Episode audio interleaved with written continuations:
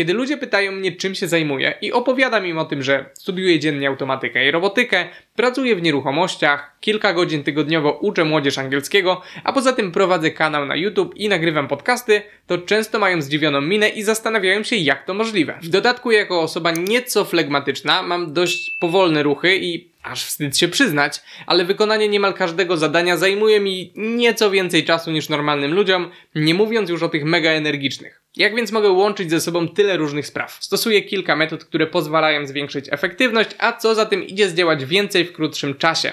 Wskazówki te sprawdzą się praktycznie w każdym przypadku, bez względu na to, czy jesteście studentem lub uczniem próbującym pozaliczać egzaminy, a jednocześnie znaleźć trochę czasu na rozrywkę, macie pracę i czujecie, że po powrocie do domu na nic innego nie macie już czasu, czy prowadzicie własny biznes i chcecie lepiej go rozwijać. Nie obawiajcie się jednak, nie mam zamiaru namawiać was, żebyście planowali każdą sekundę waszego życia życia i sam też tego nie robię. Jest duża różnica między byciem zajętym czy zapracowanym, a byciem produktywnym i skutecznym. No dobrze, żeby nie marnować waszego cennego czasu, przechodzę do punktu pierwszego, czyli zjedz tę żabę. Ta metoda inspirowana jest słowami Marka Twaina. Zjedz żywą żabę z samego rana, a nic gorszego nie spotka cię przez resztę dnia. I stąd jej zaskakująca nazwa. Oczywiście nie namawiam was do krzywdzenia zwierząt, a żaba jest tutaj jedynie przenośnią. Ma ona symbolizować najważniejsze, ale jednocześnie najtrudniejsze i najbardziej odpychające zadanie, jakie czeka na nas danego dnia. To coś, czego nie chcemy zrobić i co zdarzało nam się w przeszłości odkładać na później. Może to być na przykład nauczenie się na ważne zaliczenie, zaplanowanie budżetu domowego na kolejny miesiąc, albo telefon do klienta i renegocjacja warunków współpracy. W technice zjedz tę żabę chodzi oczywiście o to, żeby za takie nieciekawe dla nas zajęcia zabrać się tak szybko jak to możliwe, najlepiej rano. Dzięki temu nie dojdzie do sytuacji, w której wieczorem jesteśmy już zmęczeni i mówimy sobie, że zajmiemy się tym jutro, a jutro, że pojutrze i tak dalej, i tak dalej. Poza tym przez resztę dnia będziecie mieć luźniejszą głowę, ponieważ to co najważniejsze zostało już zrobione, a w dzisiejszym pędzącym świecie lepiej unikać zbędnego stresu i przejmowania się, bo Wydaje mi się, że mamy ich aż nadto. Jeżeli obawiacie się, że kiedy mielibyście zjeść żabę z samego rana, to po prostu nigdy nie wstalibyście z łóżka, to możecie połączyć tę metodę z inną techniką, czyli ścieleniem łóżka zaraz po wstaniu. Może się wydawać, że to zajęcie mało sensowne, bo wieczorem i tak zniszczymy to, co zrobiliśmy, ale okazuje się, że ukończenie takiego mikro zadania jak pościelenie łóżka potrafi nas bardzo skutecznie nastroić na realizowanie kolejnych zadań już normalnej wielkości. Okazuje się, że to tak zwany nawyk kluczowy, czyli taki, który pociąga za sobą sobą inne pozytywne zmiany. Proponuję więc, żeby zacząć od niego, a w drugiej kolejności wziąć się za jedzenie żaby, bo po takim małym sukcesie może trochę łatwiej będzie nam się za nią zabrać. Warto też wiedzieć o innym nawyku kluczowym, który bardzo pozytywnie potrafi zmienić życie, czyli zostawieniu łapki w górę dla YouTube'owego algorytmu.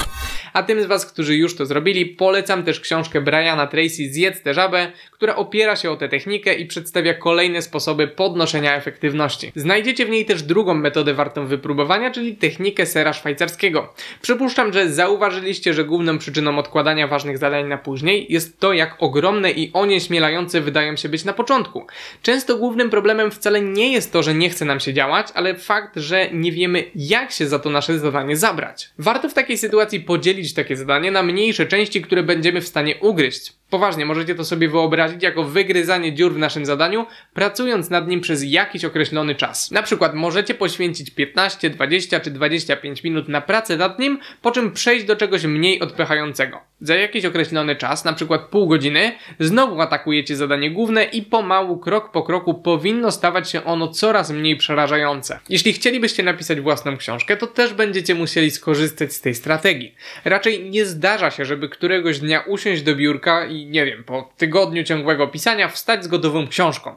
Zamiast tego wyznaczamy sobie czas, czy liczbę słów, którą mamy dziennie napisać i realizujemy to zadanie kawałek po kawałku. Trzeci punkt to skupiajcie się na jednej rzeczy naraz. Koncentrując się na danym zadaniu, możecie znacznie skrócić czas jego wykonania, czasem nawet o 50% i więcej. Popularny kiedyś multitasking, czyli wykonywanie kilku czynności jednocześnie, nie istnieje. Nie jesteśmy w stanie wykonywać dwóch wymagających zadań w tym samym czasie i potwierdzają to badania naukowe. Wydaje nam się, że robiąc kilka rzeczy jednocześnie robimy naprawdę dużo i często dobrze się z tym czujemy, ale eksperymenty naukowe udowadniają, że wcale tak nie jest. Przerzucanie uwagi z jednego zadania na drugie powoduje upośledzenie pamięci krótkotrwałej, zwiększoną nerwowość, stres i częstsze błędy. Kolejną sprawą, o której warto wspomnieć jest przerywanie pracy, na przykład żeby sprawdzić maila, odpisać na wiadomość czy odebrać telefon. Eksperymenty pokazały, że już trwające 2,8 sekundy sprawdzenie telefonu znacznie zwiększa szanse na popełnienie błędu. Co więcej, według badań, jeśli wykonujemy zadanie, które wymaga skupienia i zostanie nam ono przerwane, to potrzebujemy średnio 23 minuty, aby w pełni do niego wrócić i na nowo poświęcić mu całą swoją uwagę.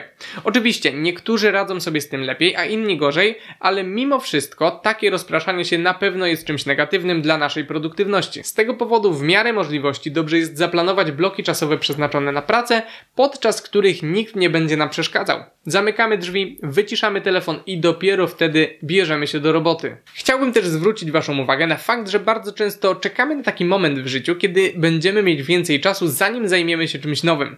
Wmawiamy sobie, że nie mamy czasu, żeby zapisać się na jogę, pisać własną książkę czy spotykać się raz w tygodniu ze znajomymi. W myśl tej idei czasem studenci biorą urlop dziekański, żeby spróbować w tym czasie swoich sił w biznesie albo zdobyć doświadczenie w pracy.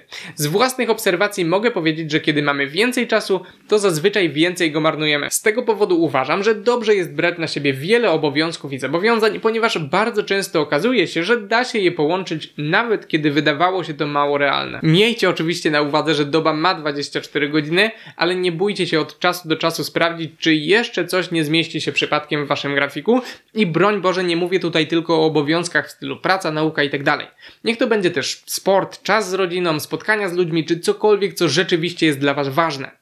A propos rzeczy ważnych, to w tym filmie opowiadam o tym, co różni je od rzeczy pilnych, bo bardzo wiele osób myli te dwa pojęcia, no a może się to fatalnie skończyć. Koniecznie sprawdźcie.